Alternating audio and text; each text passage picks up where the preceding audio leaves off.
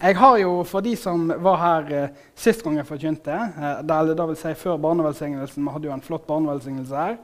Eh, og før da så åpner jeg jo denne høstens tematikk som jeg har kalt for 'Med hjertet for Jesus'. Som jeg nevnte sist, så har jo jeg eh, tenkt det her at denne høsten har jeg lyst til å spesielt dykke inn i Johannes eh, sine tekster. Eh, og Johannesevangeliet først og fremst. Eh, av litt forskjellige årsaker. Men det er et spennende evangelium. Eh, et evangelium som skiller seg ut ifra de tre andre evangeliene som står der. De tre første kaller vi for de synoptiske evangeliene. Og Johannesevangeliet skiller seg da eh, ganske mye ut ifra de andre evangeliene. Det er fortalt på en annen måte. Det er tydelig at Johannes har en annen vinkling. og innenfor eh, Eh, teologiens verden, så vil en gjerne si at Johannesevangeliet kan se ut som å være et fordypningsevangelie.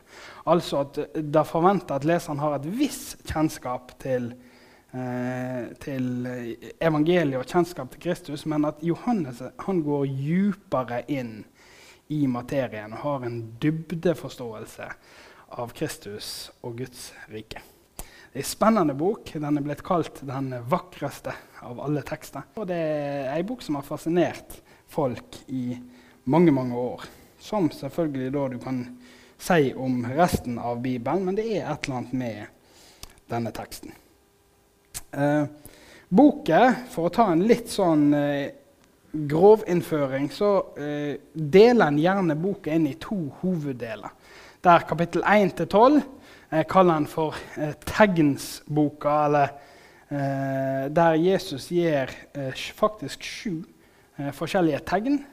Eh, og, og, det er det som er òg Du kan si Johannes-evangeliet er sentrert rundt disse tegnene. Det er sju tegn som Jesus gir. andre evangelium de har jo inkluderer mye helbredelser, tegn under mirakler, det vi kan kalle for kampanjer kanskje i dag. Jesus-kampanjer der han er forskjellige plasser. Det står 'alle blir helbreda'. Eh, der kaster han ut og satt folk fri. Han kastet ut demoner og satt folk fri, og inkluderer mye mer av det. Men Johannes han sentrerer det rundt faktisk bare sju tegn. Men der kaller ikke han bare for mirakel eller bare for under. Det er tegn som da skal peke på at Jesus er Guds sønn.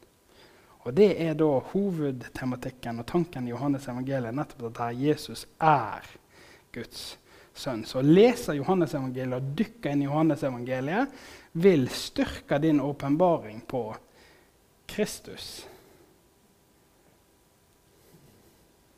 Guds sønn. Og vil vise en del ting om hvordan Guds hjerte er, eh, som Kanskje har vi lest det mange ganger, men det skjer et eller annet når du stadig utsetter deg for Guds ord, at det får jobbe djupere i oss. Og Det er jo min bønn for både meg sjøl og for forsamlingen eh, og kristenfolket for øvrig denne høsten at vi skal enda mer få gå djupere inn i Guds hjerte for oss. Og vi skal få lov å gå inn framfor Gud med våre hjerter, sånn at de eh, Hvis det har bygd seg opp noe som står Gud imot, hvis det er noe som legger begrensninger på oss i forhold til Jesus-etterfølgelsen vår, hvis det er skuffelser, hvis det er sår, hvis det er hva det enn måtte være Om vi er såra på Gud fordi vi opplever at han har venta for lenge, hvordan kunne du la dette skje, Gud? Eh, hvis vi er såra på andre mennesker, brødre eller søstre som har eh, gjort noe som vi ikke kan forstå, hvordan kunne du gjøre dette? Eller om jeg har blitt skuffa og blitt såra, og pga. det så holdt vi tilbake, så er min bønn at Gud skal ta tak i det og rive det vekk ifra oss og la oss med hele vårt hjerte få elske Gud og etterfølge Han, uhindra av de pilene som fienden har skutt imot oss. Legg av synden som henger seg så lett fast, snakker Paulus om. Og det er min bønn og min håp. For jeg tror Kan jeg få lov å ta den digresjonen òg? Jeg tror mitt er i ei tid der vi trenger en radikal Jesus-etterfølgelse. Vi følger ikke bare Jesus fordi det er koselig, og fordi foreldrene våre gjorde det før oss. Vi følger Jesus fordi han er veien, sannheten og livet. Og jeg er ingen eh, Jeg bruker veldig lite tid på å tenke at framtida blir vanskelig. Eh, det har jeg kanskje merka. Og kanskje vil enkelte si du burde tenkt litt mer på at det er vanskelige tider i vente. Nei, jeg gidder ikke. Jeg, jeg, jeg vil ikke ta sorgene på forskudd. Men jeg vil være forberedt på å følge Jesus uansett omstendigheter. Jeg skal ha det fantastisk hele veien inn i fengselet. for å si det på den måten. Og jeg tror ikke at jeg nødvendigvis kommer til å bli fengsla, men om så skjer, da, at jeg må bli fengsla i kongeriket Norge fordi jeg tror på Jesus og jeg tror på Bibelen, akkurat sånn som han står, ikke sånn som de vil skrive han om til å være Om jeg da ender opp i fengsel, så skal jeg sannelig meg fryde meg hele veien inn i fengselet. Og med Guds nåde skal jeg jammen være glad der inne òg. Vi trenger å følge Jesus med alt vi er og alt vi har. Og hvis vi, legger ting, hvis vi lar ting hindre vår Jesus-etterfølgelse, så blir det tungt. Og det blir tyngre å være en Jesu Kristi disippel i tida vi lever i. Og jeg er overbevist, mine kjære venner, om at Gud han har jo store planer for Guds menighet i Norge i dag. 70-tallet var ikke siste gang Gud virka mektig i kongeriket Norge. Det var ikke trosbevegelsen, det var ikke de små karismatiske utfallene som kom på 80-90-tallet, eller hvor tid det nå enn var, som var Guds siste ord i saken. Nei, han har store planer for Guds menighet i Norge i dag for nabolaget du bor i. Han vil fremdeles, som han alltid har villet, at folk skal bli frelst og komme til sannhetserkjennelse. Og jeg tror ikke vi kommer i mål med en halvhjerta etterfølgelse. Og jeg anklager ingen her. Som jeg sa sist, jeg er for opptatt med å se på bjelken i mitt eget øye til å skulle holde på med flisa i noen sitt andre øye. Så dette er ingen anklage mot noen. Jeg er for opptatt med å se på meg sjøl og min egen etterfølgelse av Jesus til å anklage noen. Hører det? Amen, sa forsamlingen. Veldig bra. Men jeg tror ikke vi kommer i mål med en halvhjerta etterfølgelse der vi holdt fast på sårene som en gang var i våre liv. Da tror jeg vi bommer på målet vi er i ferd med å møte. Det er lov å være lei seg. Det er lov å ha det vanskelig. Men det som er min sterke anbefaling, det er la ikke det stoppe opp der. Spring inn til Gud med det som er vanskelig. Gå inn for Han. Dette ble poengtert faktisk på, eh, på eh, Vi var på en sånn såkalt mini-retreat denne veka eh, i Stabekk. Og der skulle vi være stille innenfor Gud. Litt sånn klosterdisiplin, faktisk. Vi, skulle, vi, vi, hadde en hel dag. Og, og, Kan du tenke deg for unge pastor Sakariassen å være stille? Jeg fikk ikke lov å snakke en hel dag. Ikke et ord. Jeg skulle gå rundt folk og jeg skulle ikke si ett enda ord. Jeg skulle bare lese bibeltekst, grunne på det, lytte på sånn kort undervisningsbolke, men jeg kunne ikke si ammen engang. Hvis det var noe jeg syntes var bra. Det var ikke noe ammen, ikke noe halleluja. Tenkte, Er det virkelig en, en, en pentakostal og baptistisk skole jeg er på nå? Er det virkelig det? Jo, det er det. Eh, men så satt vi der i stillhet. vet du. Og Da ble det poengtert dette her, hvordan folk i Bibelen som har det vanskelig. Om vi bruker David som eksempel, eller som det ble brukt der nede, brukt Elia som eksempel etter han hadde vært på Karmelfjellet. Og han har opplevd mektige ting vet du, med Balsprofetene. Og, og, Gud har virka så mektig gjennom han, og det er heftig. Og så kommer Jesabel. Det er skumle saker. Jesabel. Så kommer Jesabel og så sier hun, 'Jeg skal ta livet av deg' den mannen som nettopp har budt Guds ild ned på eh, alteret holdt jeg på å si, og slukt opp både vann og alt offer som lå der, og slått i hjel en hel haug med balsprofeter, virkelig opplevd store ting, så kommer Jesabel og sier 'Jeg skal ta livet av deg'. Og så går han helt ned i kjelleren. Så blir han Nei, nå Nå vil jeg ikke mer. Dette er forferdelig. Og, og, han gjør jo ikke narr av å ha det vanskelig. En har jo alle opplevd ting som er vanskelig.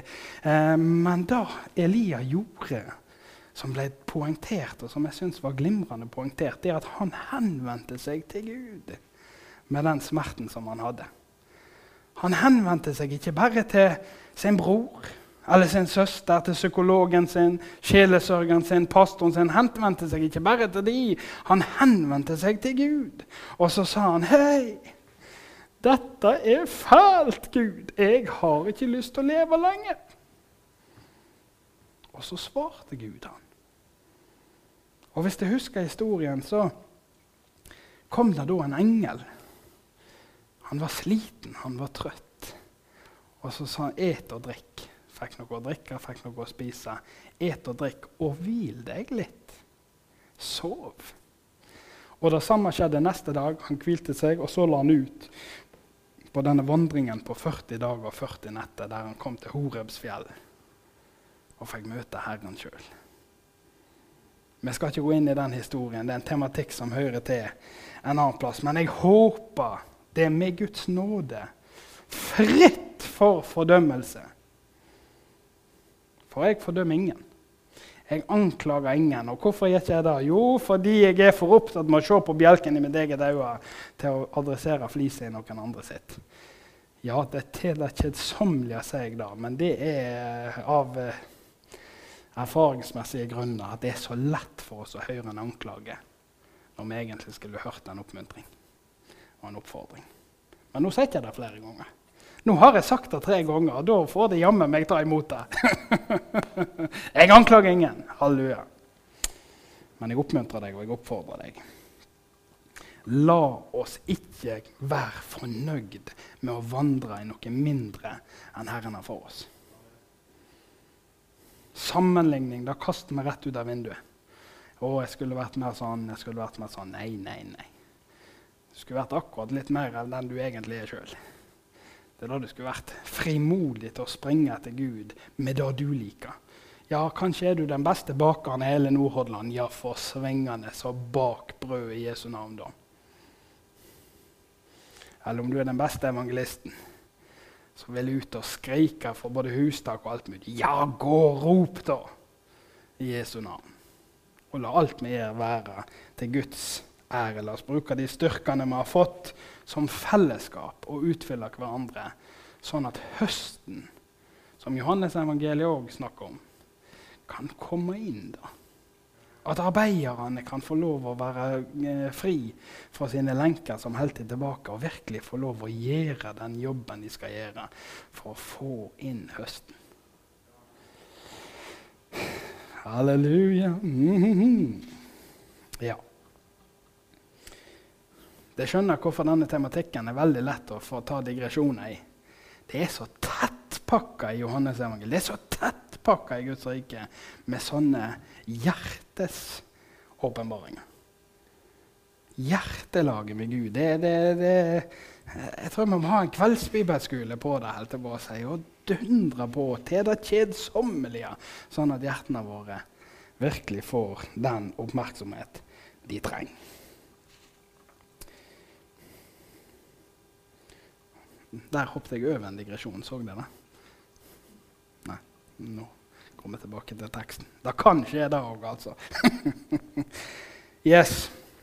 1-12, kapittel 1-12 handler om Jesus sju tegn som han gir som stadfester at han er Messias. De neste kapitlene, 13-21, kalles ofte for Herlighetens bok. Hvis første del kalles for Tegnets bok, eller Tegnenes bok, så kalles del to for Herlighetens bok. Eh, studiebibel, Norsk studiebibel eh, deler det inn eh, på denne måten at de kaller det for Jesu sjølåpenbaring for verden med tegnet, der han stadfester for verden gjennom tegn at han er Messias. Og så kaller de den andre delen for Jesu sjølåpenbaring for disiplene. Og vi vil òg se at det er en, en, god kategorisering når vi leser gjennom boka. Jesus han viser og underviser også disiplene dypere. Men, men innenfor teologien kaller han ofte for herligheten. Og, og det er et særpreg på Johannesevangeliet at der de andre evangelistene har en utvida eh, beskrivelse av Jesu lidelseshistorie, der Jesus er han som lider på korset der Jesus altså, Det er en smerte, og det er forferdelig, og det er veldig bra og flott beskrivelse. Så har Johannes et litt annet perspektiv. Vi leser ikke om den liende tjeneren i Johannesevangeliet. Vi leser om seierherren som overvant mørkets makt gjennom Guds geniale plan på Golgata kors. Begge perspektivene er jo riktige. Sant? For vår skyld ble han såra, men det var Guds geniale plan som djevelen ikke var i stand til å forutse i det hele tatt. Som satte meg og deg fri til å tjene. Fri fra alt som fienden ville kaste imot oss. Og Johannes har da denne fokuseringen som går litt mer i den retning. Eh, hadde lyst til å høre de sju tegnene veldig fort oppsummert hva det var sju tegnene gjorde. Er det klar? Og hvis jeg vil ha referansene nøyaktig etterpå Vi skal ikke bruke tid på å slå opp alle. Men det første, er noen som vet hva det første tegnet er? La, la oss ta litt sånn. Eh, det er helt greit om du ikke husker det helt, jeg bare sier, men, men hva er det første? Bård, du får ikke lov å svare. Du får svare etterpå. Dette kan Bård, vet du. Det, det er det tegnet vi ikke liker så godt her på Vestlandet. Det vet alle. De, de vil ikke si det, vet du. Ja, han lagde vin. Vann til vin. Vi vet det, men vi liker det ikke, sier de på Sørlandet. Ja, Han lagde vann til vin. han gjorde det altså. I kapittel 2 der lagde han vann til vin. Det neste tegnet som han gjør, det er at han helbreder sønnen til en embetsmann som eh, kommer til han. Eh, ja, vi skal ikke For tids skyld så skal ikke vi gå inn i alle disse her tegnene. Eh, men den neste, som nummer to, han helbreder sønnen til en mann. Nummer tre, da er han med Betestadammen og helbreder en mann der. Eh, og, eh, og, det har jeg lyst til å si noe om, men la oss eh, gå litt videre først. så gir han mat til 5000. Og da, når han gir mat til 5000, da har han òg den første sånne av sju 'jeg er'-uttalelser. Det husker jeg òg at, at uh, Gud, når han åpenbarte seg for Moses med den brennende busken, så, så, sier Moses 'Hvem er du?' Jo, jeg er. Jeg er. Jeg er. Eh, og, og, Jesus har i Johannes evangeliet sju sånne 'jeg er'-uttalelser. Eh, og den første er jo da 'jeg er livets brød'. Eh, så går han på vannet. Det er òg i kapittel 6. Han, han eh, gir mat til 5000 med fisk og brød. Han går på vannet. Eh, så helbreder han en mann som var født blind ved Siloadammen. Og det siste tegnet er at han reiser Lasarus fra de døde. Eh, på en måte hadde det vært gøy å gå inn i alle disse tegnene, og kanskje gjennom denne høsten så får vi adressert de forskjellige tegnene. Men i dag har jeg lyst til å adressere disse to som ble helbreda eh, med disse to dammene. Betestadammen og Siloadammen. Sånn, Betestadammen det handler om barmhjertighet. Betesta betyr barmhjertighet. Eh, og eh, da vil en kommentar gjerne si at eh, at når Jesus gjør dette tegnet med Betestadammen, så eh, henspeiler det til at han er virkelig barmhjertighetens kilde. Da. Men det jeg hadde lyst til å dra fram, det er at når Jesus gjør dette tegnet med Betesta-dammen, så oppsøker han aktivt en person som ligger der. For de ligger der en haug med syke fordi det kommer en Herrens engel står det av og til og rører opp vannet, og den første som kommer til vannet, blir helbreda. Eh, og Så kommer han til Jesus, går der, så finner han en mann, og så sier han, 'Vil du bli frisk?' Mm, og så sier jo han mannen, 'Ja, nei, altså Du skjønner at jeg har jo ingen som kan hjelpe meg og bære meg bort i den dammen der. Det, det er ikke mulig for meg.' Og så vet vi, så kjenner vi historien at Jesus helbreder den mannen og sier 'ta opp senga di og. Um, og den andre helbredelsen med Siloadammen, da helbreder han en mann som var født blind. Og det er en litt interessant kontrast mellom disse to. En del vil si at eh, når han helbreder denne mannen som er født i Betestadammen, så er det en handling og en gjerning som er 100% altså et bevis på at Herren kan røre noen som ikke har gjort én ting for å dra på den helbredelsen, fortjener den, bedt om den helbredelsen. Det er, det er en passiv, kanskje en person som tilsynelatende har gitt helt fullstendig opp. Men Gud kommer og vel han. Det er sånn at En betviler òg uh, ut ifra teksten at uh, han egentlig var så veldig takknemlig i etterkant òg, denne personen. Det er liksom uh, Jesus i hermetegn. Vi tror ikke at han gjorde det for å få noe ut av det, men, men han får ikke noe igjen for den helbredelsen. Det er en veldig sånn slaur, da, kan vi bruke det begrepet, som blir helbredet. Og det er jo fantastisk. At Gud han ser forbi vårt ytre, våre sår og våre hva det måtte være, og kan røre ved oss likevel. Men Siloadammen, som betyr utsendt, der forspeiler det seg litt annerledes. Og jeg skal ikke gå dypt inn i den heller. Det får vi komme tilbake til. Eh, men det, det, begynner jo med dette spørsmålet med en mann som er født blind. Er det pga. at han sjøl har syndet, eller er det fordi foreldrene hans har syndet? at han har den lidelsen. Og Her var det to retninger innenfor fariserismen spesielt. At Da tenkte han at enten er det pga. at han i mors liv har syndet. Eh, og fordi han har synda i mors liv, hvordan nå enn det så ut, da vet jeg ikke hvordan de tenkte, men de tenkte at på en eller annen måte har han tenkt eller gjort noe dumt inni mors mage som gjør at Herren har straffa han. Eh, så det var jo eh, kjekt å komme ut der. Det ok. Eh, ellers så tenkte de jo da at foreldrene har gjort noe, og pga. foreldrenes synd så blir denne barnet straffa. Jesus han svarer jo verken han eller hans foreldre har synda. Han på en måte avviser disse tankegodset som eh, den jødiske kulturen hadde.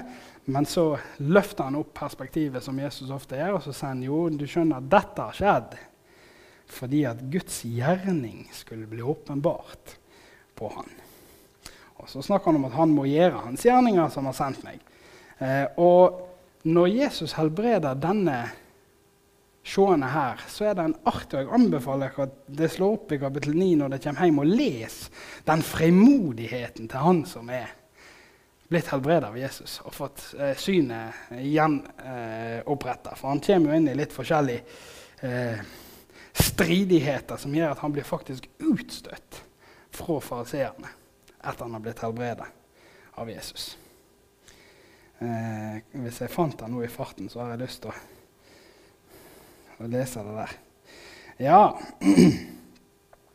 eh, Foreldrene blir utfordra. Hvordan har det skjedd, dette her? Og de sier nei, spør heller han sjøl. Og, og, i kapittel 9, vers 25, så så sier, eh, kaller liksom fariseerne på han som er blitt helbredet, og så sier de at Gi Gud ære. Vi vet at denne mannen, altså Jesus, er en synder som har helbredet deg. Og Da svarer bare han som har blitt helbredet. Jeg synes det er nydelig. Om han er en synder, vet jeg ikke, men ett vet jeg. At jeg som var blind, nå ser. Og de sa til han, 'Hva gjorde han med deg? Hvordan åpna han øynene dine?' Og han svarte, 'Jeg har allerede sagt deg hva det, og det hørte ikke på det.' 'Hvorfor vil de høre det nå igjen?' Kanskje det òg vil bli hans disipler. Da skjelte han ut og sa, 'Du er hans disipler, men vi er disipler av Moses.' 'Vi vet at til Moses har Gud talt, men hvor denne mannen er fra, vet vi ikke.' Mannen svarte de, 'Dette er merkelig.' De vet ikke hvor han er fra, enda han har åpna øynene mine. Vi vet at Gud ikke hører syndere, sier denne helbreda mannen, men han hører den som er gudfryktig, og gjør hans vilje. Aldri for verden blei til har en hørt om at noen har åpna øynene til en blindfødt. Var ikke denne mannen fra Gud, kunne han ingenting gjøre. Fantastisk, ikke det? En mann som har blitt sett på som en blodsynder, for å bruke det begrepet, hele livet, har blitt devaluert av samfunnets struktur fra dag én fordi han er født blind. Blitt undertrykt, svarer altså med en sånn visdom når han blir grilla av fariseerne. Er, ikke det nydelig? Det gjør meg utrolig glad. Og I teologien har en da satt disse to litt opp mot hverandre. Ikke sånn opp mot hverandre, men jeg har sagt at Betesterdammen, der ser vi virkelig barmhjertighetsgjerningen, og at det er gyldig for Gud. Han helbreder fordi han er helbrederen, ikke fordi han får igjen. Men så ser vi i kapittel 9 at her får han jammen igjen for pengene som er investert. Han får en berøring av Gud som handler ikke bare om at synet hans fysisk blir åpna, men da blir det Men hjertets øyne blir åpne. Er ikke det fantastisk? Og for å fullføre denne utvekslingen med fariseerne, så klarer de jo ikke å ta imot. Og, og vi får stadfesta og bekrefta samfunnssynet som regjerer her. De svarte og sa til han, 'Du er helt og fullt født i synder, og du vil lære oss.' Og de kasta han ut.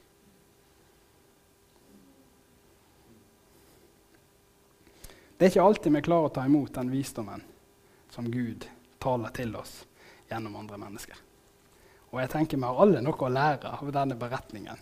Ikke fordi vi driver og kaster ut alle mulige folk som vi ikke liker, men det er utrolig hvem Gud kan bruke til å tale et sannhetsord inn i våre liv. Vakkert. Johannes-evangeliet er et fantastisk evangelium.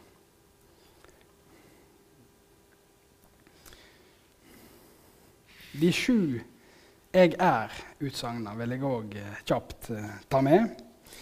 Livets brød. Verdens lys. Døra for sauene. Den gode hyrde. Oppstandelsen og livet. Veien, sannheten og livet. Og vintreet. Det er han sju 'jeg er'-uttalelser. Og de kan vi òg gå inn i mer i dybden på et seinere tidspunkt. Eh, avslutningsvis så hadde jeg lyst til å gå inn i litt grann, Dykke litt grann inn i kapittel 4 eh, i Johannesevangeliet. For det handler om kvinner ved brønnen. Og Vi skal ikke dvele lenge med dette, men jeg hadde lyst å gi et par moment inn i dette. Eh, som jeg tenker handler om eh, og, og er sånn for oss hvordan var det å følge Jesus på den tida. Eh, og hvor grensesprengende var han faktisk som person. Det står her at, og jeg skal slå opp i min nynorske bibel, for da liker jeg når jeg er her på Betel. Jesus fikk nå, når jeg leser fra kapittel 4 vers 1, Jesus fikk nå vite hva fariseerne hadde hørt. At han vant flere læresveiner og døpte flere enn Johannes. Nå var det ikke Jesus sjøl som døpte, men læresveinene hans. Da tok han ut fra Judea og drog til Galilea igjen. Han måtte dra gjennom Samaria, og der eh, kom han til en by som het Sykkar. Byen ligner det jordstykket som Jakob gav Josef, sønnen sin. Det var Jakobs kjelde. Jesus var sliten etter reisa og satte seg ned attmed kjelda. Det var omkring den sjette timen. Da kommer det ei samaritansk kvinne og vil hente vann. Jesus sier til henne, 'Gjev meg noe å drikke.' For læresvennene hans hadde gått inn i byen for å kjøpe mat. 'Hvordan har det seg', sa kvinna, 'at du som er jøde, ber meg, ei samaritansk kvinne, om drikke?' For jøder heller ikke sammen med samaritanere. Jesus svarer, om du hadde kjent Guds gave og visst hvem det er som ber deg om å drikke, så hadde du bedt Han, og Han hadde gjeve deg levende vann. Herre, sa kvinna, du har ikke noe å dra opp vann med, og brønnen er djup, så hvor får du det levende vannet fra? Du er vel ikke større enn Jakob, stamfaren vår, som gav oss brønnen og sjøl drakk av han, både han, sønnen hans og buskapen hans. Jesus svarer, 'Den som drikker dette vannet, blir tørstet.' 'Men den som drikker av det vannet jeg vil gi, skal aldri mer tørste.' 'For det vannet jeg vil gi, blir til ei kjelde i Han, med vann som bryter fram og gir evig liv.' Hei sann. Kvinna sier til han, 'Herre, gi meg det vannet, så jeg ikke blir tørst mer og ikke trenger å komme hit og hente opp vann.' Og så, for korthetens skyld, så, så ser vi jo at Jesus da utfordrer henne ja, hent mannen din. Og så sier hun, jeg har ingen mann. Og så sier Jesus, ja, der talte du rett, for du har fem. Du har hatt fem menn, og han du har nå, er ikke din mann. Eh, og så har vi en utveksling der og sier å ja, du er visst en profet. Og, ja, bla, bla, bla, bla. Og så, for første gang i Johannes-evangeliet, så har du Jesus sin tydelige erklæring av at han er Messias. For hun, kvinna sier, jeg vet at Messias kommer. Og når han kommer, skal han fortelle oss alt. Og da sier Jesus, 'Det er jeg, jeg som snakker med deg'. Jesus har en mektig bekjennelse til ei samaritansk kvinne som er helt grensesprengende av to grunner. For det første var hun ei kvinne. Eh, og Det var jo veldig utypisk. Og Det står at disiplene undrer seg når de kommer tilbake at Jesus sitter og snakker med ei kvinne. Men Jesus han begynte den sanne frigjøringsbevegelsen for kvinner. den himmelske frigjøringsbevegelsen for kvinner. Den startet Jesus, der han løfter opp verdien av kvinnen. Likeverd framfor likestilling. Da skal vi ikke gå inn i, det, da mister vi dere alle. Men, men det er det ene. Og det andre var jo at hun var samaritaner. Eh, og jeg vil påpeke dette her, at å vandre med Jesus, der veit ikke vi Vi er ikke i stand til å forutse alltid hvor den veien går. Og vi kan bli kanskje både støtt og forvirra underveis på veien. Og jeg vil påpeke hvor, for disiplene i dette eh, kapittelet her, så er det da at Jesus han får vite at, at fariseerne har fått hørt det som er sant, at hans tjeneste, Jesus og disiplene, sin tjeneste er nå blitt større enn døperen Johannes, som på en måte var en sånn lokal helt i, i området der. Og de døyper nå flere. Jesus døyper ingen, står det, men disiplene døyper flere enn Johannes. Sånn at hvis vi, du hadde vært en disippel av Jesus, og du prøver å lese teksten som du var en disippel av Jesus, så ser du at hei, hei, nå begynner å komme mye folk inn på Betel. Og de lar seg døype, vet du, og vi begynner å vokse virkelig som forsamling. Og dåpsbassenget er alltid vann i, det er varmt og godt, for her skal vi døype hele bygda. Dette er veldig bra. Dette er snadder. Så sier Jesus OK, nå er vi ferdige her. Pakk opp sakene, vi stikker av gårde. Å ja. Ja, ja, ja, vi skal vel til en ny plass. Fantastisk flott. Hvor skal vi reise nå? Jo, nå skal vi reise inn på Misforstå meg rett, nå får du se i nåde til meg. Vi skal reise inn til Sosialistisk Venstreparti sitt landsstyre, for der har jeg lyst til å reise på besøk. Og, og, og, og, dette er ikke noe politisk utspill, men som dere kanskje skjønner, så er ikke jeg så begeistra for Sosialistisk Venstreparti. Hvis du er det, så skal ikke jeg si noe på det fra talerstolen. Nei da. Men, men, men, poenget mitt er det der at Jesus sier nå skal vi reise fra en plass vi har det fantastisk, til en plass der du ikke vil gå. For jødene gikk store omveier for å slippe å gå innom det svikefulle Samaria. De har et tilbakefall i i historiens tid. Det får vi ta òg seinere. Men så sa han der skal vi gå. Og disiplene måtte følge. Og når de endelig kommer fram til den plassen der de ikke vil være Når de endte opp i, på landsmøtet til det politiske partiet de ikke likte, så setter han seg attpåtil ned og snakker med en han ikke skal snakke med etter de kulturelle skikkene. Og så bekjenner han kanskje, eller han, han viser til en av de mest dyrebare åpenbaringene. Den største skatten som han er kommet med, åpenbaringen om at han er Kristus Messias. Til denne personen. Som ikke fortjener det, og ikke skulle hatt tak i det engang. Denne personen som er lurvete og har et rykte på seg i byen hun kommer fra, bygda hun kommer fra. Denne der lurvete personen som ikke har kontroll på livet sitt i det hele tatt, som ikke har anerkjennelse, respekt, hva det enn måtte være, i det hele tatt, får denne store åpenbaringen. Og vi ser videre i teksten at hun blir en stor evangelist. Hun raser tilbake igjen til byen og, og, og, og kommer med denne her bekjennelsen at jeg har, fått, jeg, jeg har møtt en mann som har fortalt meg alt om meg. Han kunne ikke være Messias. Og så tenker de denne galna kjerringa her Nei, nei, nei. Hva er det hun holder på med? Og så kommer de og ser. Og så får vi den flotte Hvert evangelist sitt mål, tenker jeg. Så får vi denne utsagnet og setningen at nå tror vi ikke lenger pga. det du har fortalt oss, men nå har vi sjøl sett og hørt. Er vi villige til å både la Gud bruke oss der vi ikke tror vi skal være. Er vi villige til å gå til de vi tenker vi ikke har lyst til å gå til? Og er vi villige til å reise opp tjenester til folk som åpenbart ikke fortjener det, for hans navns skyld? Det var mitt avslutningspoeng i dag. Jeg håper at det får noe ut av det, og mer enn at det er umiddelbart her og nå får noe ut av det. At det er noe som de kan bære hjertene deres på vei tilbake. Og at Den hellige ånd Hvis jeg nå bommer på hele forkynnelsen, at Den hellige ånd kan gi dere noe i hjertet som det kan ta med dere og kan virkelig bety en forskjell. Kjære gode Gud.